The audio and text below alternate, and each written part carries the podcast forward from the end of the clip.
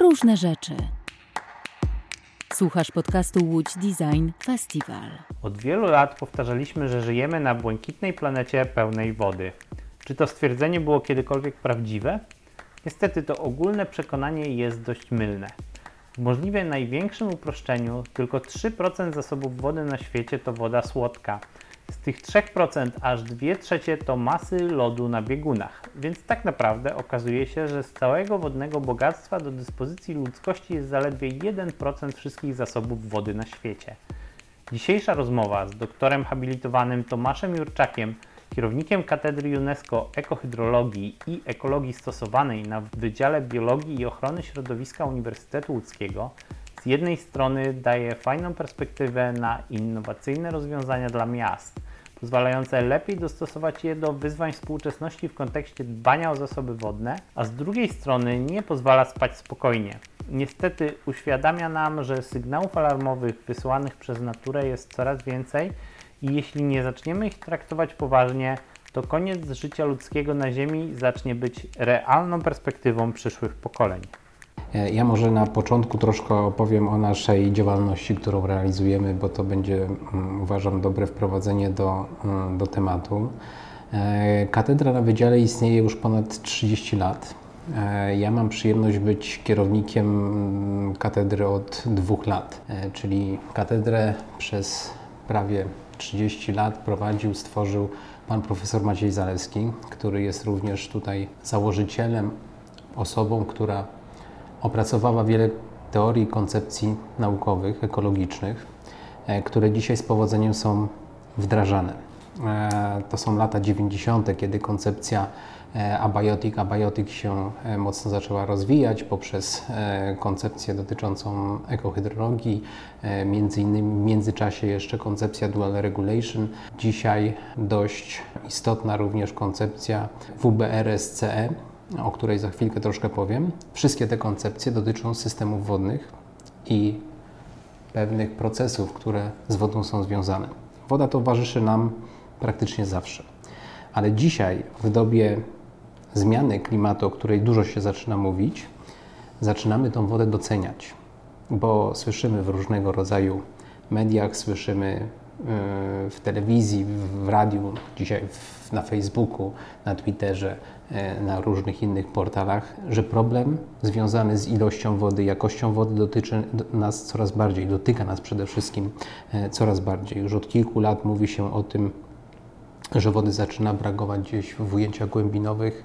Słyszymy o tym, kolega nawet z zespołu e, monitoruje, które gminy, ile tych gmin rocznie wprowadzają tak zwane ograniczenia związane z wodą, bo staje się to zasób deficytowy. Dużo się również mówi w tym roku o wysycha, wysychających rzekach. Niskie stany wód w wielu rzekach. Niektóre rzeki praktycznie już przestają płynąć. Ten problem związany przede wszystkim z jakością ilością wody zaczyna nas dotykać coraz bardziej. Ostatni raport IPCC, e, który mówił o tym, że za zmiany klimatu odpowiedzialny jest człowiek, potwierdza dobitnie, że to, co dzisiaj obserwujemy w przyrodzie, to, co obserwujemy w otaczającym nas świecie, jest niestety spowodowane działalnością człowieka. I rzeczywiście woda towarzyszy nam praktycznie każdego dnia. Człowiek bez wody sobie nie poradzi, nie, nie, nie będzie możliwości normalnego funkcjonowania. E, w katedrze zajmujemy się również od wielu lat mm, zastosowaniem biotechnologii ekologicznych czyli są to rozwiązania, które e, wprowadzamy do środowiska po to, żeby usprawnić funkcjonowanie e, systemów przyrodniczych, głównie w aspekcie związanym z wodą, które mają za zadanie z jednej strony poprawić jakość wody, szczególnie tych wód zanieczyszczonych, które dopływają z terenów zlewni, z terenów miasta do rzek, czasem bardzo wąskich, bardzo płytkich rzek, mocno je zanieczyszczając. E, zajmujemy się również tematyką eutrofizacji wód, czyli zajmujemy się tematem, e, który od wielu lat nas coraz mocniej dotyka, czyli e, zakwitami glonów, zakwitami sinic, szczególnie w zbiornikach, które są wykorzystywane rekreacyjne, są zbiornikami zamkniętymi, na których są najczęściej kąpieliska usytuowane, czy to miejskimi, czy pozamiejskimi. No i ten problem związany z zieloną wodą, jak to się popularnie mówi, czy zbiornik sulejowski, czy chociażby kąpieliska w wielu miastach, e, no jest to duży problem w okresie letnim. Jest on spowodowany niestety tym, że spora ilość zanieczyszczeń ze zdewni dopływa do tych ekosystemów wodnych. W związku z tym te biotechnologie ekohydrologiczne, które zaczynamy, zaczęliśmy od kilkunastu lat wprowadzać, wdrażać e, w różnego rodzaju projektach, są to rozwiązania, które mają na celu właśnie poprawić jakość tych wód. Z drugiej strony dzisiaj się okazuje, że one również znakomicie te rozwiązania wpisują się w nurt, nowoczesny nurt tak zwany nature-based solutions z angielskiego, czyli rozwiązań opartych o elementy przyrodnicze, o przyrodę, o naturę. E, I ta koncepcja e, ostatnia, o której mówiłem w UBRSC, jest takim podejściem, to jest koncepcja, którą opracował właśnie pan profesor Zalewski. Jest to koncepcja, która pokazuje nam, że w podejściu związanym z zarządzaniem, z gospodarką wodą w przyrodzie musimy patrzeć na pięć elementów. W, czyli z angielskiego water, woda, ilość, jakość wody. B, czyli bioróżnorodność, czyli ten aspekt związany z tą dostępnością, różnorodnością, wsparciem przede wszystkim różnorodności biologicznej w aspekcie florystycznym i faunistycznym. R, resilience, czyli odporność, możliwość adaptacji do zmian klimatu, czyli widzimy tą zmianę klimatu i staramy się dostosować, wprowadzić pewne rozwiązania, które będą dostosowywały się do, e, do klimatu. S, tak zwany ecosystem services, czyli usługi, które nam świadczy przyroda dla człowieka, bo to my z tej przyrody chcemy korzystać z elementów tej przyrody. I ostatni element C, jako culture education, czyli to podejście edukacyjne, podejście związane z promowaniem, z informowaniem o tych problemach. I rozwiązania, które od kilku lat wdrażamy, realizując projekty czy w Arturówku, E, to był nasz pierwszy duży projekt life'owy, który realizowaliśmy w Arturówku w latach 2010-2015. Dzisiaj realizujemy również duży projekt europejski w Radomiu, pokazujący w jaki sposób miasta mogą adaptować się do zmian klimatu. I w perspektywie kolejnego roku zaczynamy kolejny duży europejski problem, e, projekt z wykorzystaniem nowoczesnych narzędzi do diagnozowania stanu środowiska w mieście i zarządzania przede wszystkim e, zielenią. Te rozwiązania, o których e, tutaj mówię, e, czyli rozwiązania z zakresu biotechnologii ekologicznych, to są rozwiązania właśnie wychodzące naprzeciw tym zmianom, które dzisiaj w przyrodzie obserwujemy. Jednym z takich niewielkich nawet projektów który mo mogę tutaj o, e, chwilę opowiedzieć. Jest to projekt związany e, z wyspami pływającymi. To jest e, idea w ogóle wysp pływających zrodziła się w naszym zespole przy okazji projektu, który realizowaliśmy w Arturówku. To był projekt właśnie z programu LIFE, realizowany, tak jak powiedziałem, w latach 2010-2015, gdzie przetestowaliśmy w skali niewielkiej zlewni górnej Bzury szereg rozwiązań, które z jednej strony mają ograniczyć transport zanieczyszczeń z terenów miasta, z ulic, z parkingów, z chodników, e, z miejsc utwardzonych, z których woda deszczowa wraz z zanieczyszczeniami dostaje się do najniższego miejsca w krajobrazie, czyli do systemu rzecznego, wprowadzając zanieczyszczenia. I tam w ramach tych kilku rozwiązań, które zostały demonstracyjnie wdrożone, jednym z rozwiązań były właśnie wyspy pływające. Wyspy pływające, czyli konstruowane w miejscach najczęściej, gdzie jakość wody jest nie do końca dobra i brakuje przede wszystkim strefy takiej roślinnej przy brzegach zbiornika. Proszę zwrócić uwagę, że niekiedy zbiorniki są tak, szczególnie przez inżynierów, są tak konstruowane, że ta strefa pomiędzy wodą a lądem jest strefą zazwyczaj wybetonowaną. Brakuje tam roślinności, są to miejsca, potencjalne miejsca siedliskowe dla różnego rodzaju zwierząt, ptactwa wodnego, ale i również organizmów wodnych. Ale dodatkowe rozwiązania, dodatkowe e, role, jaką te, te, te strefy pełnią, to są tak zwane strefy e, litoralne, są to strefy roślinne, które również pobierają z wody pewną pulę zanieczyszczeń, bądź zabezpieczają zbiorniki przed spływem powierzchniowym, ograniczając w ten sposób, redukując transport zanieczyszczeń z terenu lądowego do wodnego. Pełnią bardzo istotną funkcję dla ekosystemów wodnych i przy konstrukcji tego typu zbiorników, jeżeli się zapomina w ogóle o tych strefach, to ten zbiornik nie do końca zaczyna prawidłowo pracować. W związku z tym ważne jest, żeby do takich zbiorników wprowadzać takie elementy, chociażby w postaci wysp pływających. Nagle się okazuje, że wyspa pływająca jest fajnym miejscem, bo ptaki zaczynają nam się gdzieś tam gnieździć, ale co jest istotne? My zazwyczaj widzimy tą część tylko na, nadwodną. Ja tutaj takim opowiem taką anegdotę. Jak realizowaliśmy ten projekt w Arturówku, powstała pierwsza wyspa. Ona tak do końca nie jest idealną wyspą, bo ma taki bardzo regularny kształt. Dzisiaj już jest znacznie więcej możliwości, znacznie więcej firm realizuje tego typu inwestycje. E, no i powiem szczerze, że te możliwości są dzisiaj dużo większe niż były wtedy. Natomiast no, powstała taka wyspa 100 metrów kwadratowych. Mieliśmy firmę, która nam utrzymywała tą wyspę. No i pamiętam, że po pierwszej takiej usłudze serwisowej polegającej na wycięciu roślinności dostałem wieczorem właśnie telefon i osoba, która serwisowała nam to rozwiązanie mówi Tomek, słuchaj, to jest super sprawa. Ja mówię, no ale co tam jest takiego super, super? Słuchaj, super jest to, co jest pod spodem. Ty sobie wyobraź, że ta część naziemna, która jest tak duża i widoczna, to druga taka jest pod wodą.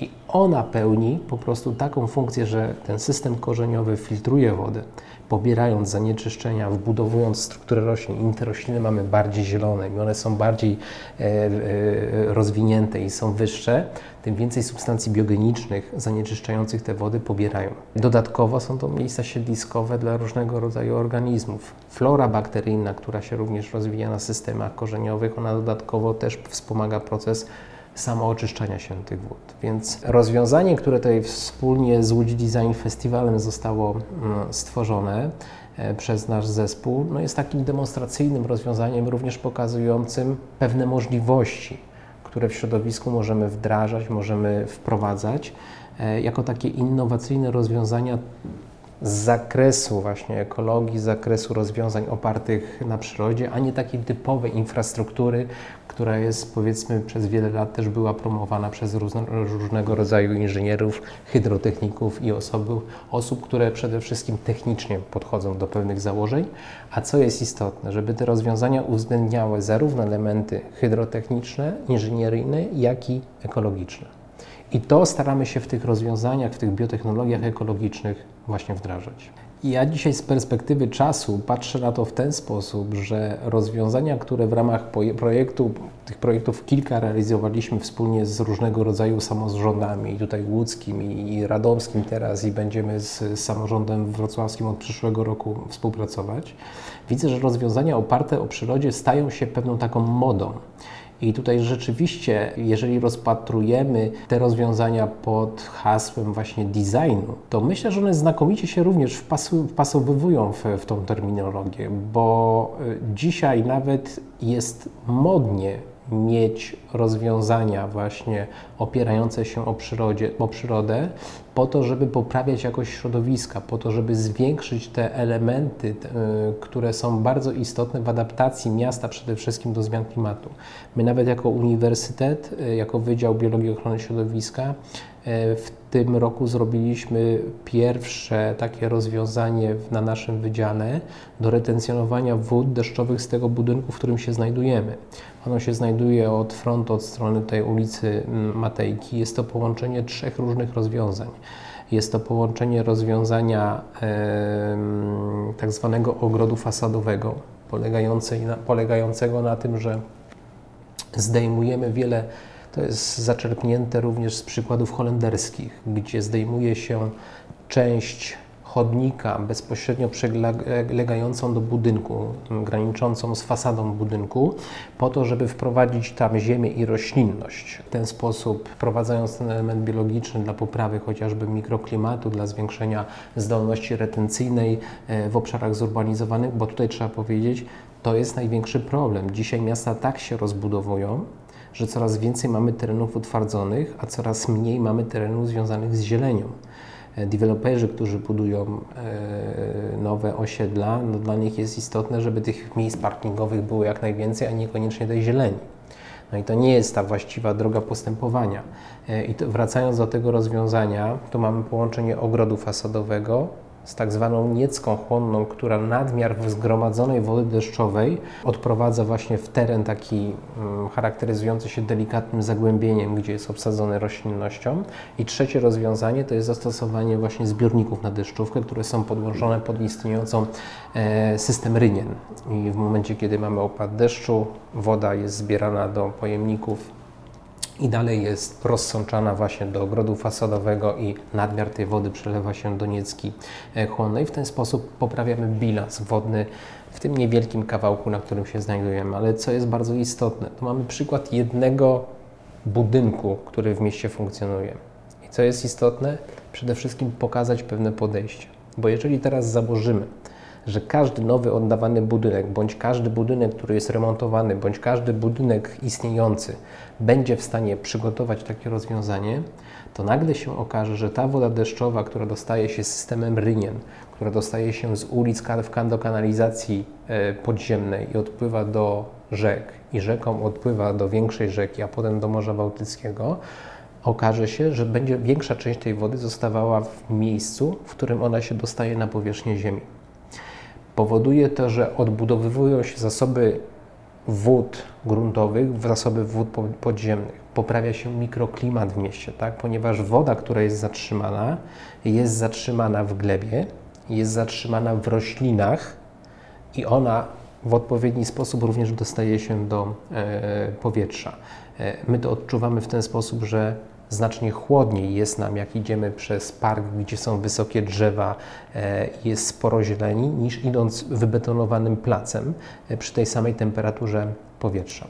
W związku z tym e, bardzo istotną rolę takie rozwiązania pełnią. I rzeczywiście staje się to pewną taką modą i nawet nowoczesne czy, czy, czy, czy firmy, które zajmują się powiedzmy projektowaniem również pewnych rozwiązań, pewnych powiedzmy tutaj domów czy, czy, czy jakichś instytucji, już na, na, etapie powiedzmy projektowania czy opracowywania koncepcji wprowadzają tego typu rozwiązania. One fajnie z jednej strony się komponują, mm, wiele firm również architekt, architektonicznie do tego podchodzi. Tak ta przysłowiowa beczka, o której się wiele, lat już, wiele razy już mówiło i wszelkiego rodzaju dotacje, które są, one się tak przerodziły w, trochę właśnie w takie podejście wielu firm, że można na tym nawet zacząć nieźle prosperować, nieźle zarabiać. I, ten, ten, ten, ten powiedzmy proceder z tym związany rzeczywiście funkcjonuje. Fajnie, że on funkcjonuje, bo to jest element bardzo potrzebny, więc jak najbardziej myślę, że ta pewna forma designu e, można powiedzieć, jest w ten sam sposób e, realizowana. Projekt, który realizujemy w, w Radomiu, on ma akronim Life Radom Klima, jest to projekt, który pokazuje w jaki sposób miasta powinny podchodzić do zarządzania, do gospodarowania wodą w obszarach właśnie zurbanizowanych w kwestii e, dzisiaj e, doskwierających nas zmian klimatu. Czym, w jaki sposób my, jako mieszkańcy miast, odczuwamy zmianę, zmianę klimatu? zwracam uwagę na mieszkańców miast, z tego względu, że prawie 60% ludzkości żyje w miastach i, i, i ten problem najbardziej jest widoczny, najbardziej doskwiera tym mieszkańcom. I czym on się powiedzmy charakteryzuje w obszarach miejskich? Charakteryzuje się niestety tym, że oprócz tego, że no jest troszkę wyższa temperatura niż to było 10, 20 czy 30 lat temu. Mówię troszkę, bo to jest powiedzmy 2 stopnie w mieście, ale mówię o średniej rocznej temperaturze. W związku z tym te poszczególne pojedyncze temperatury każdego dnia mogą być rzeczywiście dużo bardziej odczuwalne, ale problem jest inny. Problem jest w intensywności występowaniu mm, pewnych zdarzeń. Mam tutaj na myśli chociażby takie zdarzenia jak e, silne wiatry, jak huragany, jak nawalne opady, które kiedyś występowały rzeczywiście bardzo sporadycznie, a dziś są dużo częstsze. E, zdarza się, to jest nawet przypadek z chyba z ostatnich kilku dni, e, z Wielkopolski, że w ciągu jednej doby potrafi spaść tyle deszczu, ile potrafiło, powinno spaść w ciągu jednego czy dwóch miesięcy. A potem mamy kolejnych kilka tygodni bez deszczu. W skali całego roku, jakbyśmy sobie popatrzyli, ta ilość wody, która obecnie spada na dany teren, jest mniej więcej porównywalna z tym, co spadało 50 lat temu. To się nie zmieniło. Tylko zmieniła się ta częstotliwość tych opadów i ich intensywność. I my musimy też w tym momencie przystosować się do tego funkcjonowania. Robię takie wprowadzenie, ponieważ ten projekt w Radomiu pokazuje, idealnie pokazuje, jak na, trzeba nauczyć się żyć i funkcjonować w mieście z takimi właśnie wydarzeniami. Bo jeżeli mamy intensywny, nawalny opad deszczu, to nagle do miasta spływa bardzo duża ilość wody. No, przede wszystkim tym, że mamy uszczelnione miasto, utwardzone miasto. W tym projekcie pokazujemy również te elementy, że konieczne jest rozszczelnienie z miasta, zdejmując różnego rodzaju utwardzoną nawierzchnię. E, mówi się właśnie o tak zwanej likwidacji miejskiej wyspy ciepła poprzez odbeton odbetonowywanie miasta. Tak? E, dzisiaj temat rewitalizacji starych rynków, który szedł w kierunku właśnie najpierw zabetonywania, a dzisiaj każdy myśli, co tu zrobić, bo jest za gorąco, zdjąć ten beton i trochę zieleni wprowadzić, no właśnie pokazuje taką tendencję. I my w tym projekcie radomskim chcieliśmy samorządowcom, włodarzom miasta pokazać, jak zarządzać miastem.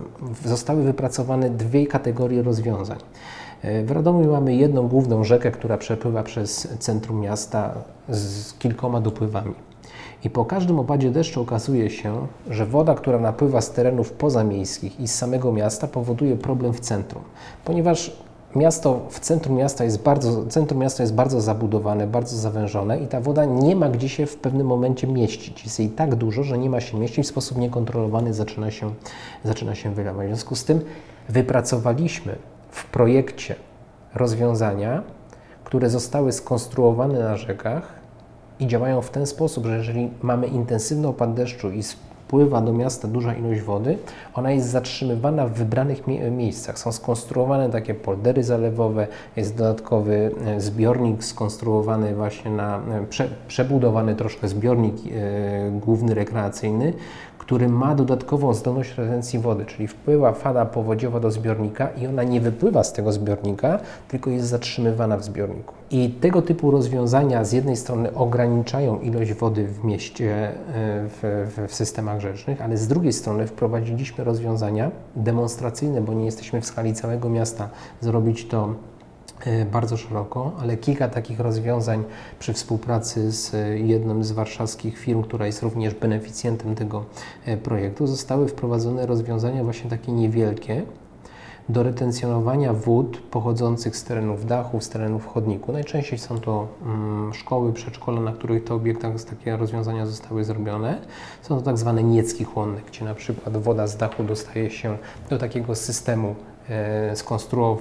skonstruowanego na terenie przedszkola, na terenie szkoły i zatrzymujemy tą wodę. Nie odprowadzamy jej do kanalizacji, nie zasilamy kanalizacji deszczowej, wody nie tracimy, nie dostaje się do systemu rzecznego, zatrzymamy ją w miejscu, w którym opada na powierzchnię ziemi.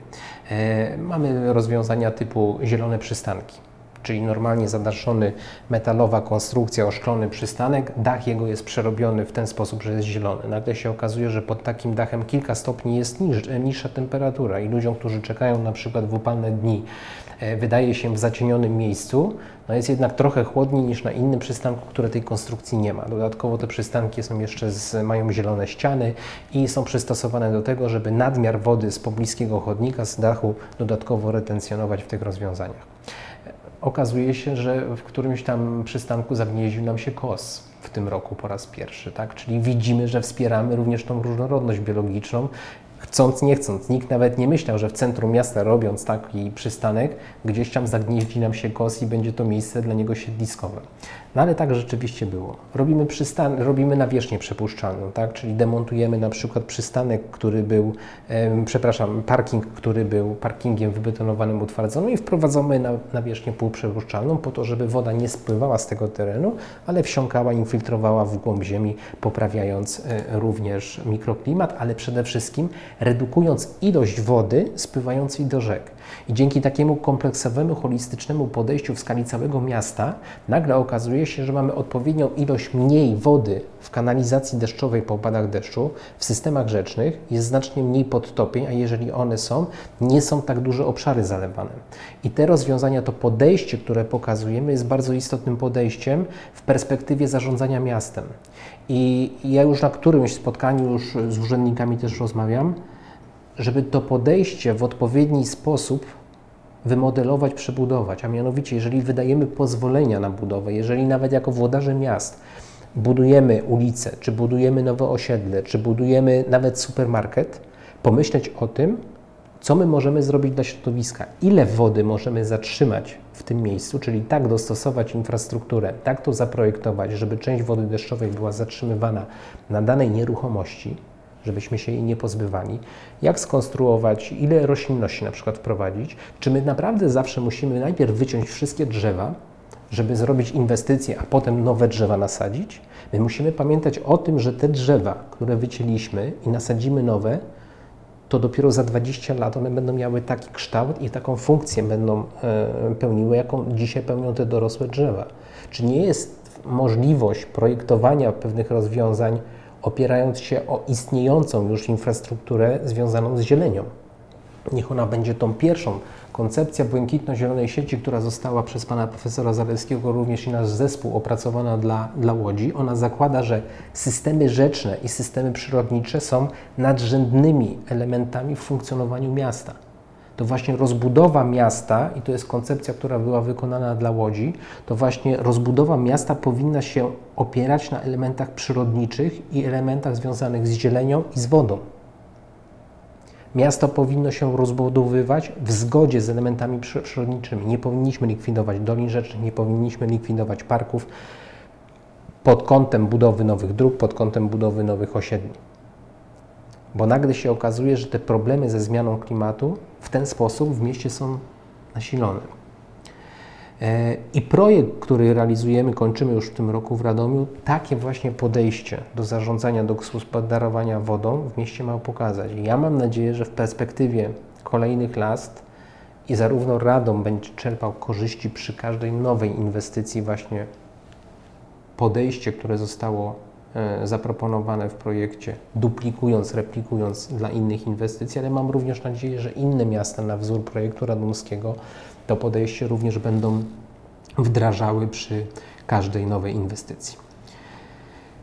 To tyle zamykając temat e, związany z Pana pytaniem, natomiast przechodząc do Odry. Mm, rzeczywiście te wydarzenia, które w ostatnich kilkunastu dniach miały miejsce, dają sporo do myślenia. E, jest oczywiście wiele czynników, e, ja to widzę z perspektywy takiej troszkę odległej. Nie pracujemy na Odrze, nad, nad Odrą też nie mamy jakichś takich stałych wyników, natomiast no, obserwujemy też, co dzieje się w mediach, wymieniamy również tutaj korespondencję, mamy spotkania z różnymi innymi zespołami naukowymi, E, i dzielimy się tymi informacjami po to, żeby mm, no, starać się w przyszłości ewentualnie zapobiegać. E, powiem tak, to co się obecnie dzisiaj obserwuje, to co w tym roku zaobserwowaliśmy na, na Odrze, ja myślę, że mm, środowisko daje nam powoli taki sygnał, że ta presja człowieka jest już troszkę za duża. E, każde środowisko ma pewną taką zdolność do takiego mm, przejmowania pewnych zanieczyszczeń. E, ta pojemność środowiska jest niestety w odpowiedni sposób ograniczona. To jest tak jak mamy wanny nieraz e, w domach i no, pojemność tej wanny jest też ograniczona. Jeżeli wody jest za dużo, to zacznie się niestety nam wylewać. I tutaj mamy taki, taki właśnie element. E, z jednej strony zmiany klimatu, które obserwujemy, pokazują, że tej wody w rzekach jest coraz mniej, coraz niższe są stany, a drugi element, nie minimalizujemy presji człowieka na środowisko. Czyli jeżeli tej wody w rzekach mamy, powiedzmy, y, duże ilości, wprowadzamy ilość zanieczyszczeń, to ta rzeka sobie z tymi zanieczyszczeniami radzi. Ale jeżeli wody mamy w rzece 10 razy mniej, a zanieczyszczeń dopływa do rzeki cały czas tak duża ilość, jak dopływała wcześniej, to system sobie z tym nie może poradzić. I konsekwencje tego po prostu są w ten sposób widziane, że obserwujemy czy zakwity glonów, które na przykład powstają, bo za dużo substancji biogenicznych dopłynęło do danego ekosystemu wodnego, bądź nagle się okazuje, że mamy y, ryby, które nam zaczynają padać, bo pewne e, zanieczyszczenia, które zostały wprowadzone, które zostały w, wytworzone również w środowisku, bo no nie ukrywajmy, nawet teoria związana z mm, algami, które spowodowały taki e, stan, a nie inny, e, no one powstały w wyniku tych niekorzystnych zmian wywołanych działalnością człowieka. Bo gdyby ta presja człowieka na środowisko nie była tak duża, to ten zakwit glonów by nie powstał. A wiadomo jest, że pewne organizmy, jak, jak chociażby sinice czy tutaj e, algi, mogą produkować toksyny, tak? I one mogą być również niebezpieczne dla człowieka, jak i dla e, zwierząt. I taki mamy efekt związany z odrą. To ja uważam, odra jest pewnym takim sygnałem, które nam wysyła za chwilę, wysyła nam środowisko. Z tych informacji, które gdzieś tam się pojawiły, no, proszę mieć również na uwadze to, mamy ponad 400 chyba punktów e, oficjalnych e, mówiących o tym, o zrzutach, które mogą być wprowadzone do, legalnie mogą być wprowadzane do, e, do, do rzeki Odry. E, oczywiście one powinny spełniać odpowiednie normy. E, natomiast te normy są naprawdę mocno wygórowane i może dochodzić również do tak zwanych awaryjnych zrzutów, gdzie dopuszczalne jest również zrzucanie pewnych większych stężeń, tym samym większe zanieczyszczenia dostają się do, e, do systemów rzecznych. No i rzeczywiście zmiana klimatu pociąga również to, że mamy troszkę wyższe temperatury tych wód e, a z biologii wiemy, że w wyższych temperaturach pewne procesy biologiczne zachodzą znacznie szybciej.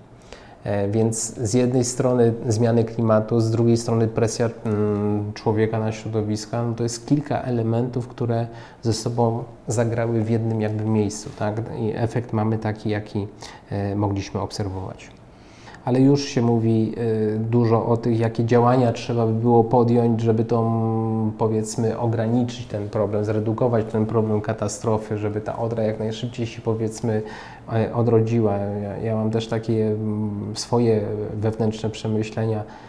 Naprawdę nie starajmy, my wychodzimy z założenia, że człowiek wie najlepiej, jak przyroda funkcjonuje i on poprawi tą przyrodę, żeby dobrze funkcjonowała. Nie, przyroda sama wie, jak ma funkcjonować i przyroda e, sama sobie e, poradzi z pewnymi zagrożeniami, tylko ograniczmy tą presję człowieka na środowisko i starajmy się żyć bardziej w, w zgodzie z przyrodą i, i, i, funkcjonując nawet na co dzień w gospodarstwach domowych, ale i również w swoich przedsiębiorstwach, w swoich firmach, Patrzmy również na to, jak to działalność e, człowieka na e, przyrodę może oddziaływać i starajmy się w jakiś sposób ją redukować. I w ten sposób nie będziemy musieli zmieniać przyrody, żeby ona zaczęła lepiej funkcjonować, bo ona sobie naprawdę e, sama będzie dobrze funkcjonowała. Tu tak na marginesie opowiem dzisiaj koleżanka mi taki dowcip opowiedziała. Ziemia spotyka się z drugą planetą i jedna mówi, Ziemia mówi do niej, słuchaj, mam chorobę, która się nazywa homo sapiens. E, ona mówi, a, no, no zdarza się, nic się nie martw, no, wkrótce się jej pozbędziesz i e, problem, problem się skończy, tak? No to na tej zasadzie, e, że ten człowiek rzeczywiście jest taką chorobą dla tej planety, bo planeta bez człowieka by sobie naprawdę dobrze radziła. Dziękujemy za wysłuchanie. Więcej odcinków naszego podcastu znajdziesz na www.lotsdesign.com. Działamy dzięki wsparciu Łódzkiego Centrum Wydarzeń, Urzędu Miasta Łodzi oraz Ministerstwa Kultury i Dziedzictwa Narodowego dzięki środkom z Funduszu Promocji Kultury.